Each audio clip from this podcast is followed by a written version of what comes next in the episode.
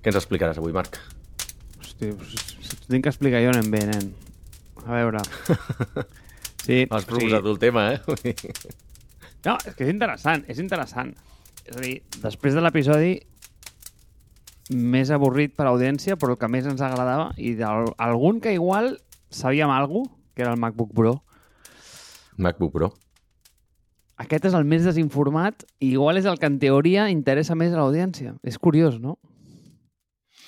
Perquè... I mira que, que vam dir que no faríem contingut ac actual, no? Volíem fer contingut que fos atemporal i, en canvi, portarem, portarem dos seguits, que és sobre, sobre actualitat, no? El del WWDC, el que vam fer dedicat a Apple la setmana passada, i aquest, que encara no estic de què parlarem, però té a veure amb les notícies actuals i, i està venint molt de mal al mercat. A veure, o sigui, per un cantó estan els, els mercats, que, bueno, si vols, en podem parlar. Igual aquí tinc algun punt més informat que no pas el, del criptodrama, ¿vale? Val. Però crec que aquest episodi està bé perquè el que fem és que agafem un tema d'actualitat però el portem en un punt una mica més profund. M'explico. Aprofitem el criptodrama per dir, ei, què està passant amb això? O sigui, realment té sentit tot plegat? O sigui, a mi, mira, Ethereum hagi perdut un 70% de valor des del seu ATH, em sembla bé i em sembla malament, però mira, és el que hi ha, ¿vale? Però, uh -huh. per altra banda, és, ostres, realment aquests vehicles tenien valor? Servien com motors d'inversió o tenien un altre propòsit i ens hem confós perquè tot això sempre anava amunt i ens hem cregut aquesta narrativa de que això sempre va amunt i, i ara resulta que tot plegat és un drama. Perquè, clar, Hòstia, és que, tio, és que aquí hi ha gent que pot estar patint molt, eh? És que jo penso que això no s'entén gaire, però totes aquestes altcoins, les que no s'han anat a la merda, des de que molta gent va invertir, han perdut quasi un 90% del valor, eh? O sigui, però clar, i, i, i aquest és el problema. Això és el que la gent no entén dels percentatges i em fa molta gràcia. I, i, i sento ser generalista i dir la gent, eh? Però crec que el que no s'entén és que quan una cosa baixa un 90%, després, quan puja un 90%, no estàs al mateix lloc, eh? Aritmètica bàsica, eh? O sigui, quan una cosa baixa un 90%, per tornar-la a tenir al mateix lloc, has de fer un per nou, eh? És que no té res a veure. O sigui, és, és, és acollonant. O sigui, a mi fa gràcia perquè això, jo què sé, a la bolsa, no? O el que o on sigui. Eh, si un dia un producte baixa un 3% i el dia següent torna a pujar un 3%, Sí. No estàs a la mateixa línia que estaves al principi, eh? És a dir, estàs a sota, eh? I, i clar, el, el compounding funciona cap a l'altra banda també. Hòstia, no només això s'està jugant com els estalvis de molta gent, i, tio, o sigui, perdre un 90% en una inversió és una autèntica salvatjada. O sigui, és una autèntica bogeria. Com vas tu? Per on vols començar? Per, per, per, per on vols començar? Perquè hi ha molts angles, val? Hi ha el part de, la part de això té valor o no? Hi ha la proposta tecnològica de, de, de totes aquestes històries, les, les criptomonedes, el blockchain, Ethereum, etc etc i les shitcoins, si tu vols. I després hi ha el component moral i ètic d'incentivar a que la gent, sense cap tipus de fonament eh, econòmic ni tan sols tècnic, inverteixi en criptomonedes. Vull dir, jo veig aquests tres angles. Per quin vols començar? És més, et diré un altre, la destrucció de llocs de treball que s'estan donant, tot el drama que està venint amb eh, la, la, Coinbase fent fora a 1.100 treballadors, Kraken també ha tingut avui un, un megadrama perquè el seu CEO pues, ha prohibit l'ús dels pronoms a l'empresa i, i està criticant molt d'aquestes les propostes woke, no?, que diuen. Vull dir que hi ha moltes coses i no sé per on vols tirar. Puc tirar per qualsevol de les quatre, eh? Em sento més o menys informat per parlar de les quatre. Eh, algunes molt, molt més desinformat que amb les altres. M'agrada la primera, per començar, eh? El tema del Val. com s'ha confós Val. i quines aplicacions pot tenir això més enllà de, del que s'ha proposat, no? Perquè eh, hi ha molt aquesta narrativa del Web3, de tio, ara tot serà descentralitzat. Al final, tio, ho hem parlat mil cops, no? Com eh, les èpoques d'internet, com al principi, doncs, tio, els protocols, els SMTPs, els, eh, els HTTPS, etc, etc, etc. Eh, després això es centralitza, eh, es veu que si ho fots en un data center és molt més eficient perquè tens una base de dades comuna i doncs, és l'hòstia. Llavors això el que et dona és que tens doncs, cinc animals gegants que controlen el 100% d'internet. ¿vale? Llavors, eh, mm -hmm Llavors resulta que ve aquí un senyor que diu ei, doncs mira, ara tot és descentralitzat i ara resulta que volem fer Facebook descentralitzat, quan en realitat, diu, tenir com eh, una base de dades descentralitzada que computa tots aquests nodes, doncs, doncs resulta que és una puta bogeria i és una barbaritat i, i, i resulta que no funciona bé, ¿vale? Llavors, jo mm -hmm. crec que estem en aquest punt de dir, a veure, Web3 està molt bé, ens agrada molt la idea, i, i, i estem molt contents de, de que existeixis, però igual t'hem de, trucar, o sigui, de trobar el lloc on tens sentit. És a dir, no posarem Web3 perquè ens agrada Web3. Eh, o dit d'una altra manera, si me'n vull anar a Shanghai, igual no sortiré de casa amb una bicicleta. Em compraré un bitllet d'avió. Llavors, mm. la bicicleta està molt bé eh, i, i et mous molt bé per la ciutat, però, però, però igual no et serveix per fer 12.000 mm, quilòmetres. I, i, i, I aquí és on vinc, no? De eh, mira, per exemple, si és que et posaré un exemple molt, molt, molt, molt propi, no? O sigui, molt, molt nostre. Eh, nosaltres volíem eh, llançar a nivell professional, eh, t'estic parlant, un producte Web3 i ens hem apartat una mica eh, cap al costat en el sentit de dir, escolta, és que el molt complicat que encara és adoptar aquestes eines per un públic generalista. És a dir, ostres, el dia que la meva mare vingui, tio, i em digui, Marc, eh, tio, ahir em vaig, em vaig crear un wallet, tio, de um, un Metamask i vaig anar a OpenSea i em vaig comprar un parell d'NFTs. El dia que això passi, aquell dia em creuré, em creuré que aquesta narrativa de, mm, de Web3 o sigui, ha perculat a la societat, però fins, a que, fins que aquest dia no arribi, hòstia, eh, a dia d'avui es fa molt complicat gestionar i, i, i donar com la usabilitat i entendre, o sigui, fer que l'usuari entengui bé què collons està passant per darrere, eh? Jo crec que Web3, jo aniria, ja que hem de definir el tema del valor de totes les criptomonedes i, i, i, i d'aquests mercats alternatius, aniria abans de Web3. No? Web3 jo crec que ha estat com una, una, com es diu això, una fugida cap endavant, no sé si es tradueix huida hacia adelante, en castellà al català tal qual, però eh, dels, dels bicis i sobretot dels criptobros que van dir, ostres, necessitem alguna manera de fer això més accessible al públic i ells d'alguna manera crec que han volgut accelerar massa en crear una adopció inorgànica i artificial 100% de tot el mercat de, la, de cripto i les NFTs. Val? Llavors van dir, hòstia, obrim-ho al mercat, obrim-ho a tothom, fem-ho accessible, fem-ho com col·leccionables, i dic, jo crec que no han donat amb la manera correcta, o han, ho han volgut fer córrer massa, i s'han cremat, s'han pillat els dits. Val? Per donar valor a totes aquestes coses, jo per, donaré una mica de context, eh? perquè jo vaig arribar tard a la festa de criptos, de fet jo vaig comprar Bitcoin la nit abans de la gran caiguda de Bitcoin, que va baixar de 18.000 dòlars a 2.000 dòlars eh, de la nit al dia, doncs jo vaig comprar 18.000 i va caure a 2.000. Per tant, ara estic bé, o he estat, he estat relativament bé en tot aquest temps, però tampoc hi he ficat molta pasta, no? També vaig comprar Ethereum, vaig comprar altres, altres criptos una miqueta per diversificar. Em vaig comprar 10 o 12, però ficant quantitats ridícules a cada una, eh? Vull dir, mm, segurament, i de fet ho dic de memòria, eh? però em sembla que cripto no és ni el 5% del meu portfoli de, diversificació econòmica. Val? Amb això ho dic tot. No, no he ficat molta pasta en això, o també n'he tret, tret, ja he tret, havia tret gairebé tota en l'últim any i mig. Val? Dit això, eh, jo m'hi vaig ficar perquè vaig entendre que des del moment en què hi havia com un mercat regulador, hi havia tanta gent, ja té sentit. Val? Uh, té un sentit purament de purament de mercat. Val? És a dir, jo vaig créixer intercanviant al mercat de Sant Antoni cartes de Pokémon i de Màgic, val? i amb això feia pasta. O sigui, jo anava a tornejos, els guanyava, de vegades no els guanyava, però o canviava cartes, et feies baralles i, i després doncs, les que et sobraven doncs les anaves a canviar i les anaves a vendre. Va arribar un punt en què hi havia una, una, una collons, com es diu, una revista, saps que es deia La Onza, que era dels de, valors de les cartes de Màgic. Val? I aleshores, en aquell moment hi havia com un mercat bursàtil de les cartes de Màgic. On vull arribar amb tot això? Resum. Jo d'això vaig ser pasta, vale? vaig començar a comprar cartes per internet, després les venia, vull dir, comprava lots perquè venien mogollon de cartes dintre i aleshores només una d'aquelles ja et podia pagar per tot el lot, si tenies sort.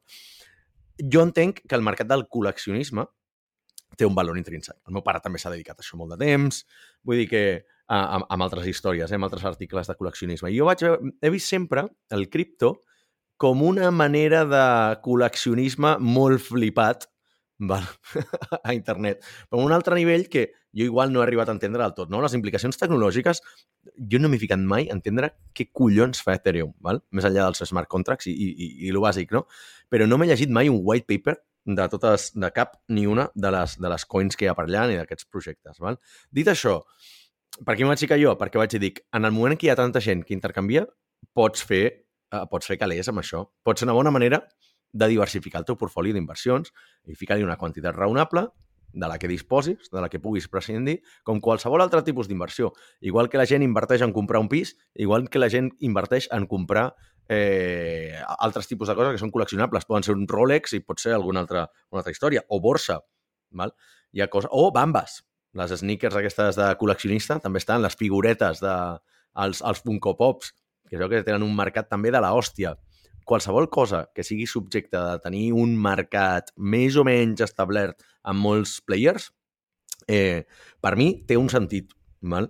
I aleshores ja entraríem aquí la part de... Tècnicament, tenen sentit o no, però com a valor purament financer, el tenen. I jo per això vaig entrar, eh? però no, no em considero ni un criptouró ni res. Soc molt escèptic en aquest tema i bastant contrari a, a tot, totes les implicacions morals que té després la incentivització de, de, de, de la gran massa que pugui invertir en aquest tipus de coses. Sí, però fixa't, eh, perquè veus, és que em sembla el mític cas Saps això del pèndol? Que, tio, que, que el mous com molt, molt, molt cap un cantó i al final sempre sí. acaba tornant una mica cap on hauria d'haver estat al principi. Ens passa amb tot, no? Tio, som humans, no? Està bé. Al principi de tot, tens Bitcoin, només. Només, vale? vale? Com uh -huh. la primera. I entres amb la tesi de dir, a veure, què, què collons puc fer amb això? Doncs, pues, bueno, valor refugi, ok, és escàs, mm, té unes propietats sí anem a dir que és l'or digital. ¿vale? Llavors ja mm -hmm. la gent ho comença com a mm, percebre també com a, com a moneda de canvi. El problema és que, tio, això no està dissenyat per ser una moneda de canvi. O sigui, mm, no, no, no és així, ¿vale? Eh, I, i, i és evident, no? I llavors comença a sortir la idea com de, vinga, doncs anem a, a crear com una cadena paral·lela que tingui ja no només eh, aquest poder de, de, o, aquest, o aquest potencial de ser moneda de canvi, sinó que pot crear altres aplicacions, eh, córrer d'una manera més eficient, bla, bla, bla, bla, bla. ¿vale? Eh, I llavors, clar, el pèndol és quan, és quan se'n va a l'extrem i diem, vinga, doncs ara mm, d'aquestes en crearem 70.000, eh, muntarem Layer 2, eh, eh, on top d'Ethereum li muntarem, bueno, o sigui, tot el tot rotllo dels sí. altcoins, eh, i clar, això se te'n va i dius, a veure, nois, o sigui, tens un cas d'ús per això, o sigui, és, és eh, realment té molt sentit el que estem fent o no? I ara, bueno, ens hem compte que no, no? Eh, però si tu m'hi preguntes, jo ara torno cap al pèndol i dic, hòstia, doncs mira, et diré una cosa, el Bitcoin com a valor refugi és que em sembla una molt bona idea. O sigui, Clar, anem a dir... A mi també. Eh, si jo penso en commodities... Imagina't que vols ser com un... Eh, com, imagina't que tu, com a nivell de finances personals, eh, vols diversificar el teu portfoli, no? I vols dedicar, pues, jo que sé, una miqueta a, a tenir commodities, que sempre estan molt descorrelacionades amb el, amb, amb, el, amb, el, amb stock market. Al final, generalment, quan tens un, un bull market, eh, l'or se'n va al terra, i generalment mm -hmm. al revés, no? Quan, quan tens eh, un mercat de merda que està trinxat, com ara, per exemple, eh, l'or generalment està molt descorrelacionat i se'n va cap a dalt, no? És un valor refugi.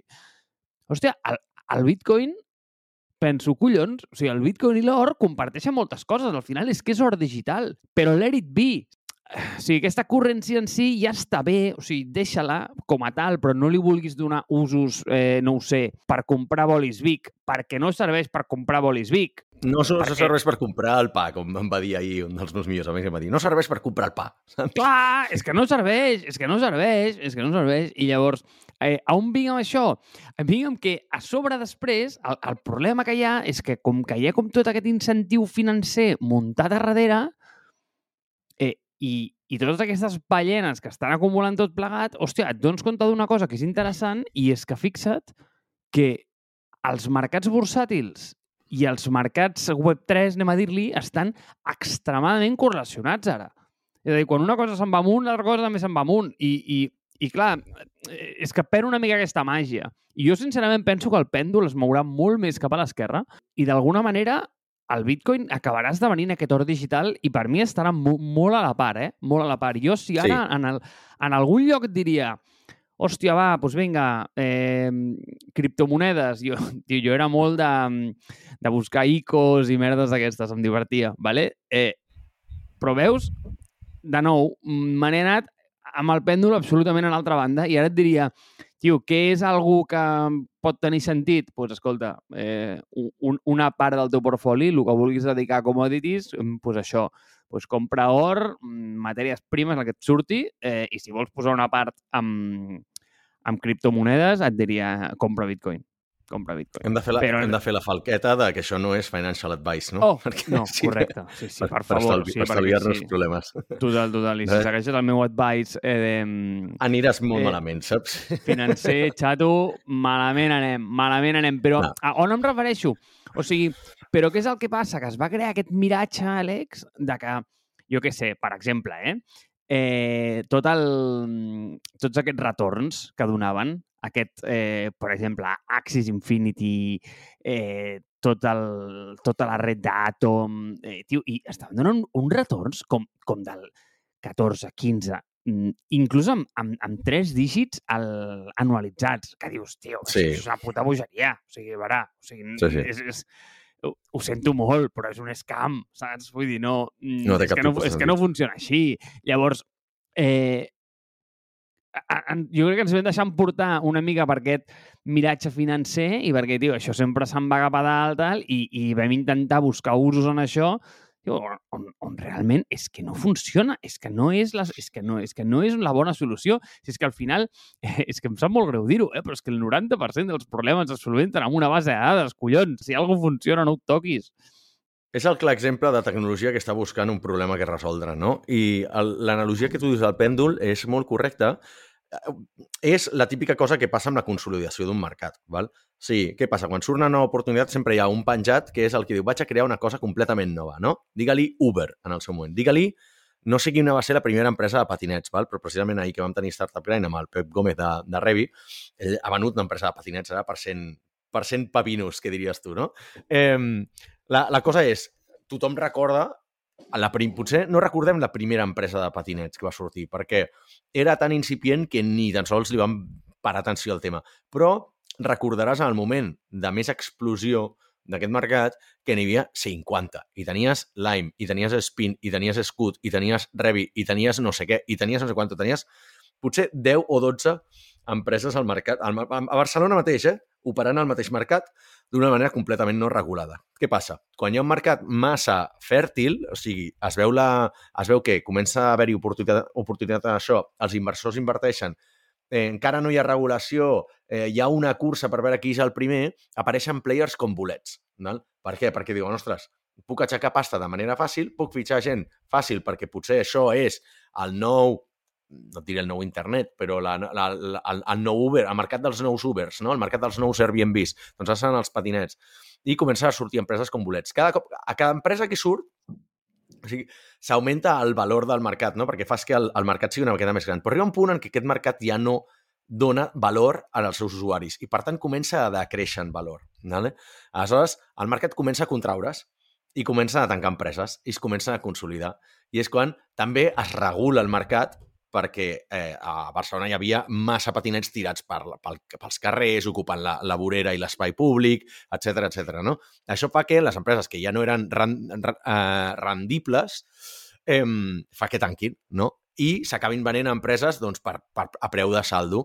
I aleshores, per exemple, ostres, és que és ben sabut que Revi és de les poques empreses de patinets del món que eren rendibles i, per tant, la va poder vendre, doncs això, per 100 milions d'euros. Però jo que treballo amb altres empreses d'aquest sector, et dic jo que ninguna, ninguna, cap d'elles fa diners. Totes perden. Val? Aleshores, estem en aquest moment de que el pèndol està anant cap a l'esquerra i se les està ventilant a totes. I allà on el 2015 o el 2017 hi havia, dic un número completament arbitrari, eh? però 50 empreses de patinets a Espanya, ara n'hi ha 3, val? i quedarà una. I seran absorbides, totes hauran estat o tancades o absorbides pels grans players. El mateix està passant en el mercat de les cripto, no? Era un mercat molt fèrtil, tothom va veure l'oportunitat, hi havia el tema de les ICOs, s'aixecava pasta molt ràpid, els criptobros, els flipats de la tecnologia que van dir vaig a desenvolupar per això perquè, oh, estem canviant el món, però dius, vale, maco, estàs desenvolupant una cosa que probablement no tingui cap tipus d'aplicació pràctica i eh, ho van vendre molt com a cosa com molt científica, no? Que si els white papers, que si... Bueno, eh, total, que ara s'ha adonat que mm, potser només el top 3 d'aquestes monedes tenen sentit a nivell global i potser m'atreviria a dir que potser només Ethereum i Bitcoin. Then again, no sóc una persona superversada en aquest tema. Per tant, totes estan a parir panteres precisament perquè, perquè el mercat està dient ei, és que no hi havia espai per tothom i ja s'ha acabat. Amb bon, amb, amb ben favorable, tothom pot crear empreses en aquest sector, però ara que es venen, es venen les dures, no? el mercat que dius tu, el mercat a la baixa i tot això, potser ja no té tant de sentit i aleshores tot, tot, tot, tot, tot però està tancant, però una, una, una bogeria. Però clar, no només cripto, sinó tot el mercat. O sigui, tu veus el, el, el, la foto del, dels estocs dels Estats Units i tots estan en vermell. Vull dir, no només una cosa de cripto, vull dir, també s'extén als altres mercats. Sí, dos punts sobre això. Quina eh? xapa t'he soltat, eh? Quina xapa t'he no, deixat. No, tio, superinteressant. Al final és el punt de... Hòstia, fins a quin moment hem confós la utilitat d'aquest token, del que sigui, amb un vehicle d'inversió. És a dir, a veure, hi ha tokens que en si poden ser útils i poden tenir un cas d'ús interessant, però no tens per què convertir allò en un vehicle d'inversió. O sigui, no tot és un vehicle d'inversió. És a dir, una tassa és una cosa molt útil, saps? Vull dir, tio, si em permet veure i està bé, vale? està bé, però eh, però, és a dir, però, però jo eh, puc dubtar del valor financer intrínsec que té una tassa, saps? És a dir, no, no, no, no té per crear-se un mercat al voltant de les tasses perquè, tio, perquè tenen molt valor, perquè m'ajuden a beure cafè. A veure, sí, està bé, pots muntar un, una botiga de tasses, però eh, no, no és aquest el punt, saps? Eh, i, I llavors, clar, aquí s'ha vist que això... Mm, hòstia, si fots calarons aquí, el dia següent en tens més. Eh, I com que era líquid, s'han creat mercats, han sortit exchanges com per sota de les pedres, pues, mmm, bueno, pues, eh, pues, pues, sí, pues sí, ja, ja hem vist el que està passant. I, i l'altra cosa, Àlex, és eh, el, el tema del moment financer, Tia, aquest punt a mi serà interessantíssim, eh? eh? Jo és que et juro que aquest seria una xapa acollonant per la gent que ens escolta, eh? Però jo faria només un episodi, només un, parlant del moment històric que estem vivint.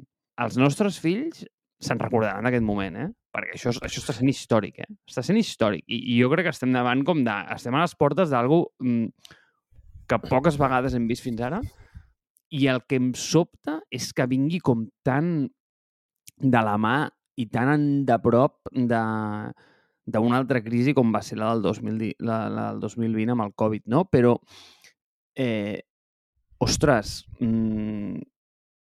tio, estan passant coses, eh? Estan passant coses. I tornant una miqueta al, al, al punt que dèiem abans, no? hi, ha, hi ha una cosa en la que no estic completament d'acord, que és el, el, el que dius tu, que, que s'ha confós això amb un vehicle financer. Eh, jo crec que tot pot arribar a ser un vehicle financer, no? Si, si de cop i volta es posessin de... de mira, et, et, et posaré un exemple ara, que el, el, el tema de l'escassedat dels xips, s'està creant com a vehicle financer les videoconsoles. Va? Les videoconsoles d'última generació són tan escasses, costen tant de produir, que no es poden comprar. Costa molt. I aleshores hi ha gent que simplement, quan les pot comprar, es compra i està especulant amb elles. Per què? Perquè hi ha un mercat allà. No dic que això sigui correcte, dic que això s'està fent i s'està convertint. Es podria arribar a convertir en un vehicle financer. El que és incorrecte és incentivar la gent que no té cap tipus de, de formació ni tan sols mm, butxaques suficients com per poder invertir en això. O sigui, la diferència entre les empreses que inverteixen, o sigui, que potencien i fomenten el trading i uh, l'intercanvi de criptos no està més enllà que les apostes esportives. No? Jo els veig al mateix nivell. Són empreses predatòries que enganyen i que fomenten un consum mm, desmesurat i completament desproporcionat, sobretot, sobretot, en les classes socials que no s'ho poden permetre i no s'ho haurien de permetre. Val? Si fixes, les cases esportives on s'han instal·lat històricament a les ciutats? Els, els barris obrers. Els barris més pobres estan totes estan plens de cases esportives. No veuràs una puta casa esportiva a Pedralbes ni a Sarrià. Val? Les veuràs a la Mina, les veuràs a, a, a Sant Adrià, les veuràs a sí, barris doncs, històricament de rentes més baixes. Doncs aquí està passant exactament el mateix. Mires les demografies dels usuaris de, dels d'això de cripto i, i no es corresponen amb gent que hauria de tenir molta pasta. Val? Eh, dit això, vaig llegir algun tuit, algun article dient, hòstia, em sembla que era Podemos, no? Que, que, que deies que s'hauria de prohibir les plataformes... No, no, no les plataformes, s'hauria de prohibir les criptomonedes. Ara potser m'equivoco, eh? Van dir que s'hauria de prohibir les plataformes de, de, de, de, de criptomonedes. És com un dir... Clar, o sigui, és com, seria com prohibir les cartes de màgic perquè algú està especulant amb això, no? No acabo de veure la... Entenc el trasfons, entenc on es vol arribar, val? Però, però el que falta és com regular-ho i fer-ho molt més prohibitiu per la gent que no s'hauria de poder permetre, prohibir l'advertisement a, a tot tipus de gent i, i fer-ho cada cop més estricte per gent que realment vulgui i pugui permetre's això, no? però no hauria d'estar a l'abast de tothom, això està clar, i molt menys amb, amb publicitat enganyosa com fan totes aquestes eh, les Coinbase, bueno, Coinbase eh, Krakens i encara pitjors, els eh, eToros i aquestes que estan molt més, molt més orientades al, al trader retail, no? El, la, la persona casual que diu, bueno, va, vaig a ficar 500 eurets aquí. Això és, esport, a, a, a, és gambling al 200%. Clar, és que amb els mercats passa una mica com...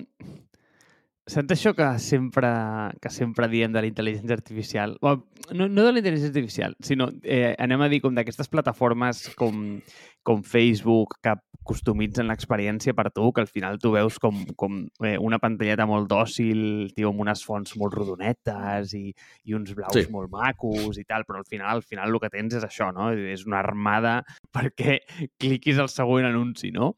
I, i, I jo penso que això és, molt, és, és, és exactament el mateix, perquè tu pues, eh, compres 50 eurets de Solana eh, i et penses que ets un tio molt intel·ligent, però resulta que els teus competidors, o sigui, els que estan al costat comprant també, són fons d'inversió i vehicles d'inversió de la hòstia que tenen Exacte. assets under management de no entendre res i que, tio, tenen una estratègia claríssima i al final el que van a fer, tio, o sigui, és que et van a polir del mercat. O sigui, eh, i, i crec que aquest és un altre punt que, que no s'acaba d'entendre, però en el concepte d'order book, tio, la teva pèrdua sempre és el guany d'un altre. Sempre. Sempre. Sempre. Sempre. Sempre.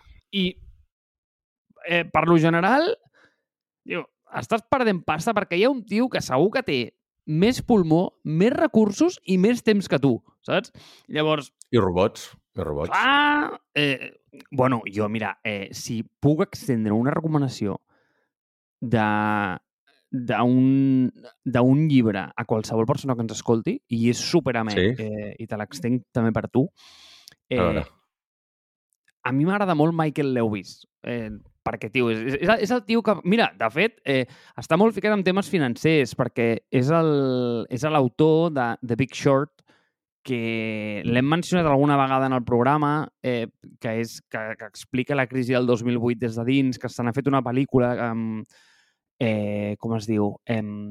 No, no, no, no, no, no la vull cagar. Sí, no, no et diré noms no. perquè és que... És Christian Bale, això, Christian ah, Bale. Val, això. El, aquest, aquest, hauria aquest. fotut la pota, hauria fotut la pota.